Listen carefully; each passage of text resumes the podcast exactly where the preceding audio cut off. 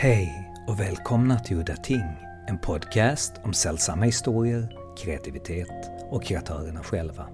Mitt namn är Henrik Möller, musiken är skapad av Testbild och loggan till podden är gjord av Malmökonstnären Nalachinsky. Det här avsnittet ska handla om Karin Efraim Gärdegårds bok Mardrömmar. Berättelser från det undermedvetna. I den boken har Karin samlat in mardrömmar från ett antal personer, omarbetat dem till små noveller och illustrerat dem. Jag ska inte säga så mycket utan jag ska låta Karin göra det själv, men först ska vi låta Karin läsa ett litet utdrag ur boken. Varsågoda. Jag har tänkt att jag ska läsa en av de här berättelserna som finns i boken och eh, jag har valt att läsa en som heter Apmamman. Och den är ganska kort, så den passar ganska bra att läsa.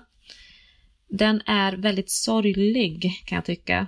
Den eh, handlar om en kvinna som har förlorat sitt barn. Och eh, det finns en till berättelse i den här boken som heter Barnet. Och den är lite mer eh, psykotisk. Den är lite mer skräck, skräckenjagande skräckinjagande och ja, den är mer hotfull liksom. Den här är väldigt lugn och den går sakta och är väldigt sorglig bara. Hjärtskärande. Apmamman. Jag ser åter ner i min famn, där han ligger. Slutna ögon, så vacker. Jag tänker att det är det vackraste jag sett. Så perfekt. Mitt barn. Fridfullt ligger han där. Som om han just ammat och nu fallit in i sömn. Livet som slutade innan det han börja. Jag vet att smärtan jag känner inte går att leva med. Att den måste försvinna. Att jag måste försvinna. Bedövas. Läkaren kommer åter in i rummet. Han beklagar sig och kliar sig i skägget. Osäker på var han ska fästa blicken. De vill ta min son ifrån mig. De säger att han är borta. Att det inte är bra för mig att bära honom. Ingen är rustad för att bära denna smärta, säger de. Men jag vet att jag tänker bära mitt barn. När läkaren ännu en gång säger att de måste ta kroppen, den lilla, mitt kött och blod, ser jag hur han växer fast i min famn. Hans små armar in i mina. Jag vägrar släppa taget. Läkaren hummar och går ut ännu en gång, stänger dörren om oss. Tiden finns inte i mitt medvetande, men jag kan se på mörkret utanför att dagen har passerat. Mitt barn ligger fortfarande i min famn. Nu har de lämnat oss i fred. De har förstått budskapet. Att hans kropp är min kropp. Vi är odelbara. Jag lyckas på något vis ta mig ut från sjukhuset utan att någon ser mig. Det är kallt. Jag har för lite kläder. Ingen jacka. Nu är han stel. Likstelheten har tagit över. Han är liten och torr. Det känns som om han krymper. När han är så liten att han inte längre kan ligga i min famn, då hänger jag honom runt halsen, som ett smycke. Jag är hans apmamma.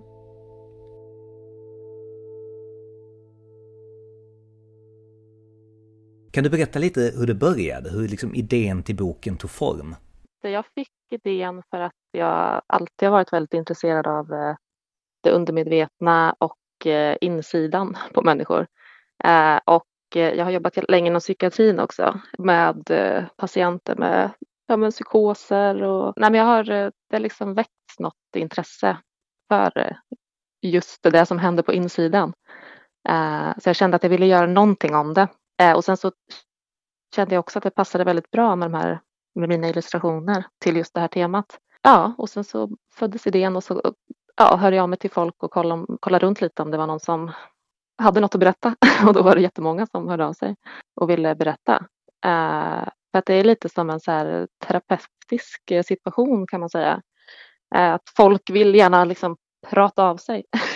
och eh, jag vet inte hur många det var som hörde av sig allt som allt, kanske runt 40 personer eller något sånt kan jag tänka mig. Eh, och sen så valde jag ut eh, de då som jag tyckte var mest spännande eller som jag kände att man kunde göra någonting av. Eh, och då blev det 26 stycken kvar som jag arbetar vidare med. Hur detaljerade var de här historierna som du fick in? Ja, de var inte så detaljerade egentligen. Det var väl mer att eh, jag kanske tog fasta på, på någonting. Det kunde vara en berättelse som, eh, ja antingen så var det en handling rakt igenom sådär och så eh, tog jag fasta kanske på vissa partier av berättelsen. Eller också kunde det vara mer en känsla som jag eh, fångade upp i den här berättelsen och så gjorde jag någonting av den, om man säger. Om jag frågar, vad är det som fascinerar dig med drömmar? Alltså jag är ju, jag tycker att det är väldigt spännande till exempel det här liksom med, där jag tänker som Swedenborg till exempel, som skrev sin drömbok där. Och... Men det här är bra. Kan du berätta lite om Swedenborg? Ja, alltså Swedenborg, eh, tror han föddes, vad var det, 1688 tror jag. Och eh, han var så naturvetenskapsman eh, från början och var väldigt sådär eh, teoretiskt lagd. Eh, och sen så hände det väl någonting i slutet på hans liv eh, som blev väldigt sådär andligt upplyst, eller vad man ska säga. Han blev nästan religiös. Och eh, ja, började skriva nummer och göra anteckningar eh, i det som man kallade drömboken sen. Eh, och eh, jag har faktiskt inte läst den själv, men eh, just den eh, tanken tycker jag var lite sådär spännande. Att skriva ner och eh, ja, men han såg ju något mer i det. Han, eh, för han var det mer som att gå över i någon andlig värld. Eh, att det är som en parallell verklighet. Eh, drömmarnas värld är en verklighet och sen den världen som vi befinner oss i är en annan, den vakna verkligheten.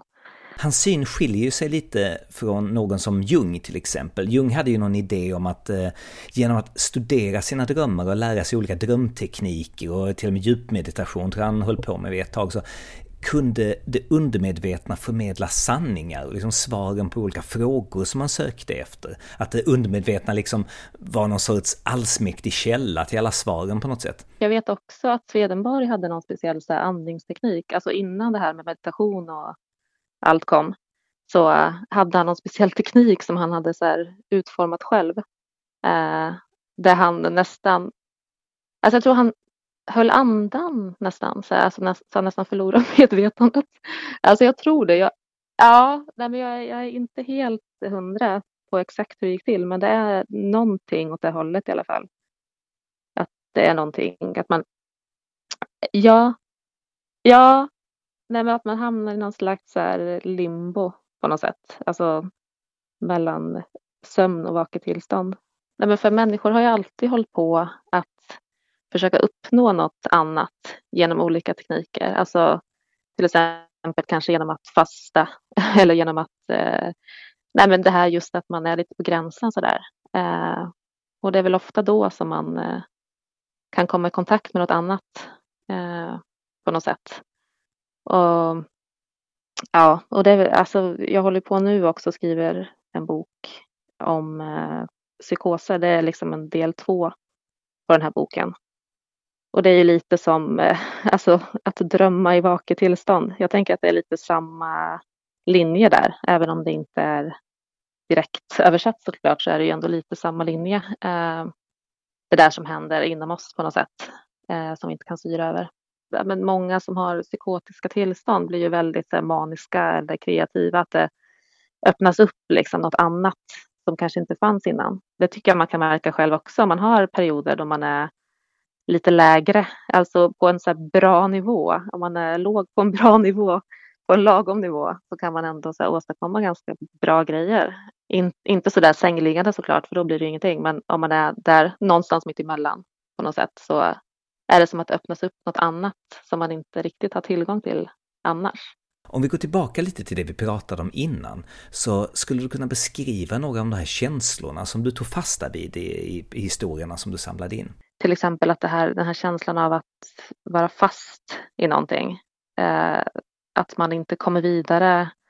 Eh, just det där jobbiga liksom. Och jag menar det behöver inte vara så mycket egentligen som händer i en dröm för att den ska sticka ut eller kännas intressant att skriva om. Utan det är mer det här, liksom, den här maktlösheten eller det här eh, att det händer märkliga saker som man inte riktigt Alltså det är saker som eh, förändras hela tiden eller ja, fragmentariska grejer som liksom ja, små, små, saker helt enkelt som är konstiga. Det är oftast det som är det, det obehagliga kan jag tycka. Det behöver inte vara någon jättestor speciell händelse i en dröm som gör att den blir intressant egentligen. Fick du in på mail eller var det folk som muntligt berättade dem för dig? För jag tänker att det kan göra en viss skillnad. Ja, det var några som berättade muntligt och det är mest sådana som jag känner eller bekanta till mig som har berättat. Och sen är det några som jag drömt själv. Och sen så är det vissa som har mejlat och så har jag omtolkat lite sådär. Så att det är ju eh, jag tänker så att de som berättade muntligt, eh, ibland är ju vissa personer så bra historieberättare och kan berätta någonting väldigt enkelt på ett spännande sätt. Så att därför kan det vara intressant att veta. Ja, men de som berättade sina drömmar, jag tror att det är mycket de som jag har gått på det här, liksom det här, den här känslan mer. Att om det är en obehaglig känsla så har jag liksom använt det och eh, jobbat vidare med den.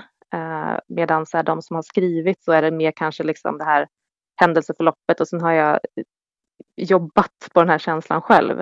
Eh, så det är väl det som är att de två motsätter sig lite där, liksom på de, på de sätten att eh, ja, eh, nej men det, ber, det ber, liksom, beror lite på vad jag har jobbat utifrån om man säger, alltså om, om det är den känslan eller om det är händelseförloppet. Så. Jag är ingen expert på det här, men det finns ju en del klassiska scenarion inom drömtydning, som till exempel det här med att ens tänder tar skada. Tänder som trillar ut eller någon som slår sönder ens tänder och sånt där. Och det ska då tydligen då vara något tecken på ångest, någon ångestbearbetning i drömmen. Känner du till det och fick du med dig några sådana här scenarion i ditt insamlade material? Inte så mycket faktiskt. Jo, men jag vet också, jag har också hört det där, eller också liksom att man blir av med håret. Många som har långt hår, att de så här blir av med håret, att de tappar håret eller någon klipper av håret. Att det är så här, och, ja just tänder och sen ja, är det väl mycket så där också har jag hört att man inte kan se sina händer när man drömmer. Det är också en sån grej. Nej, men liksom, om man pratar om kroppsdelar så, så är det ju en så typisk grej tydligen att man inte kan se sina händer. Och det har jag aldrig varit med om eller och, och, och då betyder det att man, att man drömmer. Så att man ska kolla ner om man är osäker. om, man, om man tror att man drömmer så ska man kolla ner på händerna. Och om man inte kan se dem så drömmer man tydligen. Men äh, jag vet inte, men det är ingen sådär det är ingen som har berättat något speciellt så om just tänder som har krossats eller något liknande så, utan det är äh, mycket det här liksom, ja, men instängdhet och sådär, att inte komma vidare och det här, de här klassiska grejerna, att man springer, man försöker komma ut någonstans ifrån och man eh, eller det är liksom något som är fel bara, något som är fel och man vet inte vad och man försöker komma på vad det är och så ja, blir det bara mer och mer absurt och ja, man kommer inte därifrån helt enkelt. Kunde du se några återkommande mönster i materialet? För det brukar ofta finnas ett visst antal återkommande scenarion eller teman, kanske man ska säga, i mardrömmar ja, nu efter efterhand eh, kan jag ju se det där att saker som ändrar form eller att det är alltså saker som man har trott har varit något annat blir något annat eller så här till exempel det man har trott var ens hem är inte ens hem. Alltså mycket sådär att saker förändras ganska fort och det är ju ganska så här, det är ganska obehagligt. Eh, när något, till exempel någon man litar på försvinner eller när den visar sig vara någon annan. Liksom. Och, det, och det är ju sånt som sker ofta i drömmar också, att det ska förändras. Och en person som man har trott har varit en vän kanske blir helt plötsligt en fiende eller ja, just de där snabba förändringarna. Jag tror att det, det, kan, det kan jag se väldigt mycket där, i de berättelserna som jag har valt. Att det, men sen så kan det ha varit också, för att ibland har det varit sådana saker som har varit helt absurda som folk har berättat om och jag har ändå så velat tona ner det lite så att det inte ska vara så där att ja, men allting händer på samma gång. Att det är så där, det kommer grodor från alla håll och monster som hoppar in genom fönstren. Ja, men du vet, jag har liksom velat tona ner det lite och så här bygga upp som någon slags eh, skräckig stämning. Alltså att det går lite långsamt så. Eh, och det tror jag nog att jag har jobbat med ganska mycket. För att i drömmar kan det ju hända väldigt mycket på en och samma gång. Så jag har nog låtit det komma lite så här i etapper så. Att det ja, men har blivit någonting Och sen så tar det tag och så blir det någonting mer och så får det gå ganska långsamt. Man får liksom märka själv att det är saker som är fel och inte stämmer. Det är en jättedum fråga, men jag bara måste ställa den. Liksom, varför just mardrömmar och inte mysiga historier, mysiga drömmar? Nej, för att jag tycker att det är eh, intressantare. Jag tycker att det är mer, det finns ju mer spänning där. Det finns ju jättemycket fina drömmar som man kan drömma, men det känns, kändes roligare också liksom att skriva om det och illustrera till just mardrömmar. Att det, ja, det finns någonting där, något obehagligt, något som man inte riktigt vet. Man vet inte hur det ska sluta eller någonting som lurar bakom varje hörn. Sådär. Det, jag gillar det på något sätt. Och jag gillar det där mörka i mitt bildskapande också. Eh, så jag tror inte att det skulle passa så bra, eller jag tror inte jag skulle vara så intresserad heller om jag bara skulle skriva om vanliga drömmar. Jag dras ofta till det där och det gör jag ju i allt, i hela mitt bildspråk så blir det väldigt mörkt. Alltså även om jag har tänkt att jag ska göra någonting gulligt så vill jag ofta gärna förstöra det i slutet och göra något mörkt eller skriva någonting på det. Kan du berätta lite om din nya bok, eh, Psykoser? Ja, alltså det var ju eh, att jag ville göra en fortsättning på den här boken. Eh, och så började jag fundera lite kring det och så därmed så kopplar jag ju liksom ihop det här lite med psykoser, eh, mardrömmar och psykoser. Eh, och så tänkte jag att man kan ju göra berättelser utifrån eh, upplevda psykoser också på samma sätt ungefär som de här mardrömsberättelserna.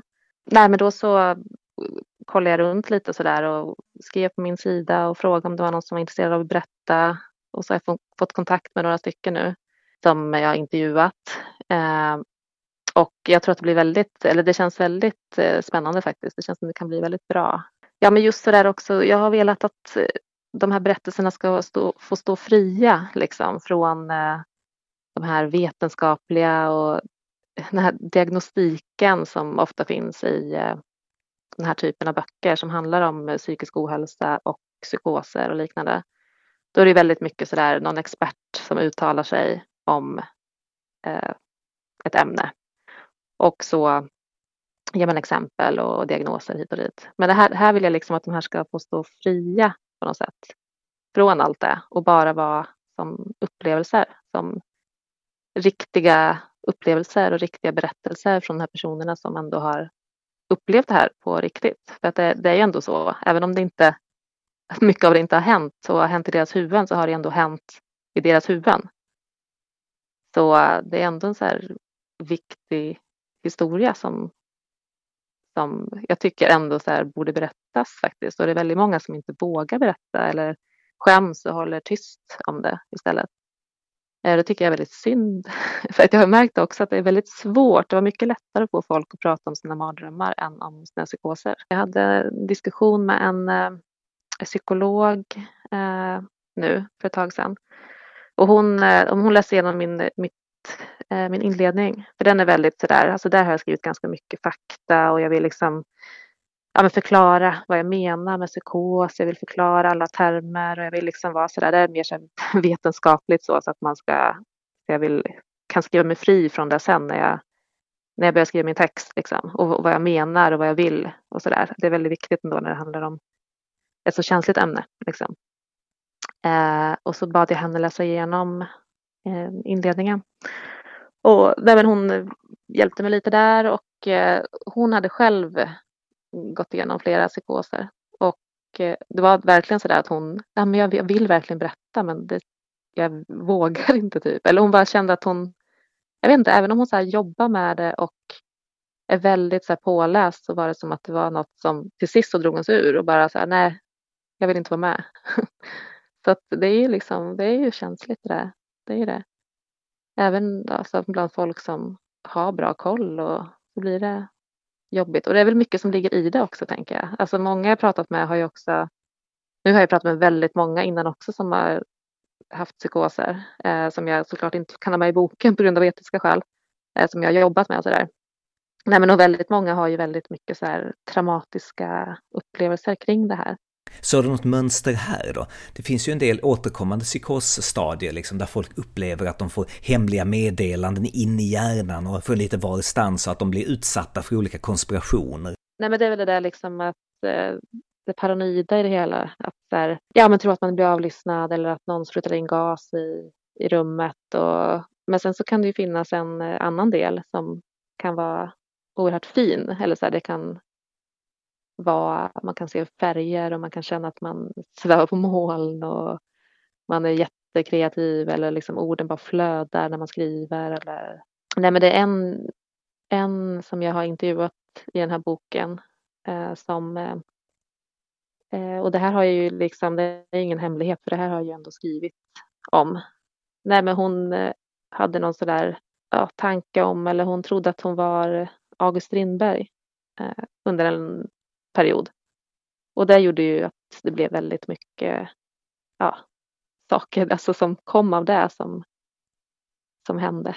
liksom. Det kan man ju tänka sig själv om man tror att man är en sån stor författare som också är död. Att det kan dra med sig väldigt mycket. Men, men det var tydligen liksom helt fantastiskt. Det var tydligen en jättebra känsla. Det var ingenting mörkt i det, utan bara, bara en bra psykos så att säga. Om du skulle jämföra mardrömsboken med den här nya boken, om du kan se någon skillnad mellan dem, hur det var att jobba med de olika? Ja, det är väl att eh, de här, alltså mardrömmarna, det är ju väldigt sådär, det är väldigt mörkt hela tiden. Eh, och i den här boken så är det ju vissa, det är klart att det är, alltså vissa, vissa berättelser är mycket lättare så liksom. Men det är klart att det är ju en jobbig situation bakom, det ska man ju inte förringa på något sätt. Men, men det är ändå liksom Vissa är lättare och eh, mer så lustfyllda, skulle man kunna säga, än i den här Mardrömmar. Nej, men annars är den ganska sådär lik, alltså i alla fall i bildspråket och sådär är den väldigt lik, kan jag tycka, än så länge. När du berättade för mig om psykosboken så skickade du en bild som du hade gjort på en kvinna som ser helt enorm ut med en liten, liten stad under. Kan du berätta lite om den bilden och historien som hör till? Ja, alltså det där är, det är omslaget, det är en kvinna som svävar över en stad. Eh, och eh, ja, det, det, är en person som jag har intervjuat som eh, ja, kände att hon svävade helt enkelt.